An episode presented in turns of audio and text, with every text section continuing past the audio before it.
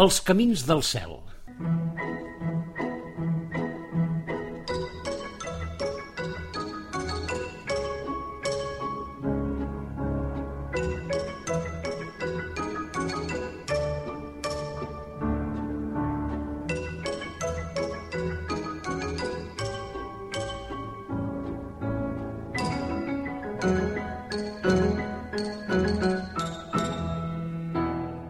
A la primavera les fades tenen un munt de feina, sobretot les fades missatgeres, perquè han d'anar d'un lloc a l'altre a portar encàrrecs de prímula, la fada dels cels de muntanya i de la primavera.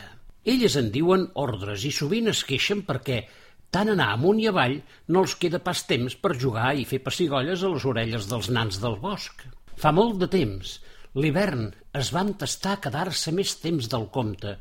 Així és que la primavera va arribar tard i amb un munt de feina per fer abans no arribés l'estiu. Les estacions han de fer tota la feina que se'ls ha encomanat, si no tot seria un desgavell.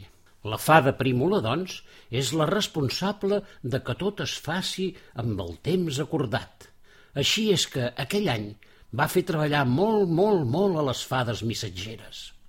Encara no eren ni a la meitat de la primavera que les fades es van revoltar.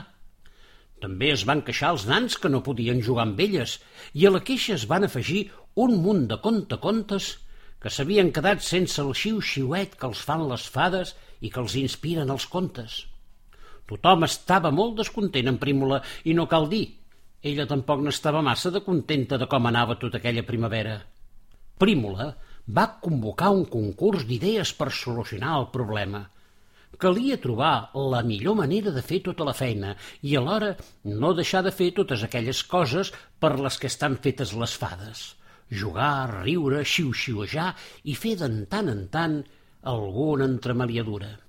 Tots els inventors del món van arribar a la conclusió que el que els calia era temps, però cap d'ells es va empescar com fabricar de temps.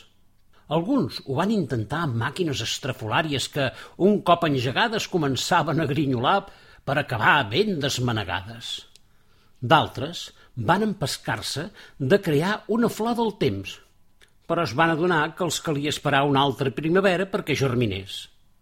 Els més visionaris van pensar que la solució era viatjar en el temps amb l'ajut d'una maquinota. Però com podien posar tota la primavera dins d'una màquina? El cas és que el temps corria, la primavera avançava i les idees no sortien i mitja feina encara era per fer.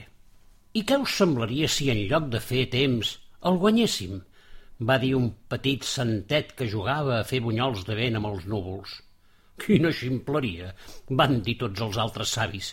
I com es pot guanyar temps? Organitzant-se i sobretot escoltant. Caldria escoltar les fades missatgeres i que ens diguessin què és el que més els cansa d'anar amunt i avall. El vent, van dir totes decidides les fades, quan bufa el vent i sobretot quan hem d'anar contracorrent. Aleshores, va dir el santet, podríem fer camins per on el vent no hi passi i per on vosaltres pugueu volar tranquil·lament. Prímola va decidir que, de totes les solucions proposades, aquella era la millor, per tant, va encarregar al santet que coordinés la feina. El primer que va fer és demanar a tots els habitants del bosc que ajudessin a les fades missatgeres en els seus encàrrecs.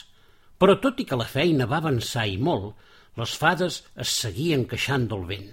Aleshores aquell santet va agafar la seva paleta de colors i va dibuixar uns camins en el cel per on les fades anaven i venien més lleugeres que el propi vent. I cada camí tenia la seva comesa. Per això eren de color diferent, i n'hi havia set, el verd, el blau, l'indi, el violeta, el vermell, el taronja i el groc.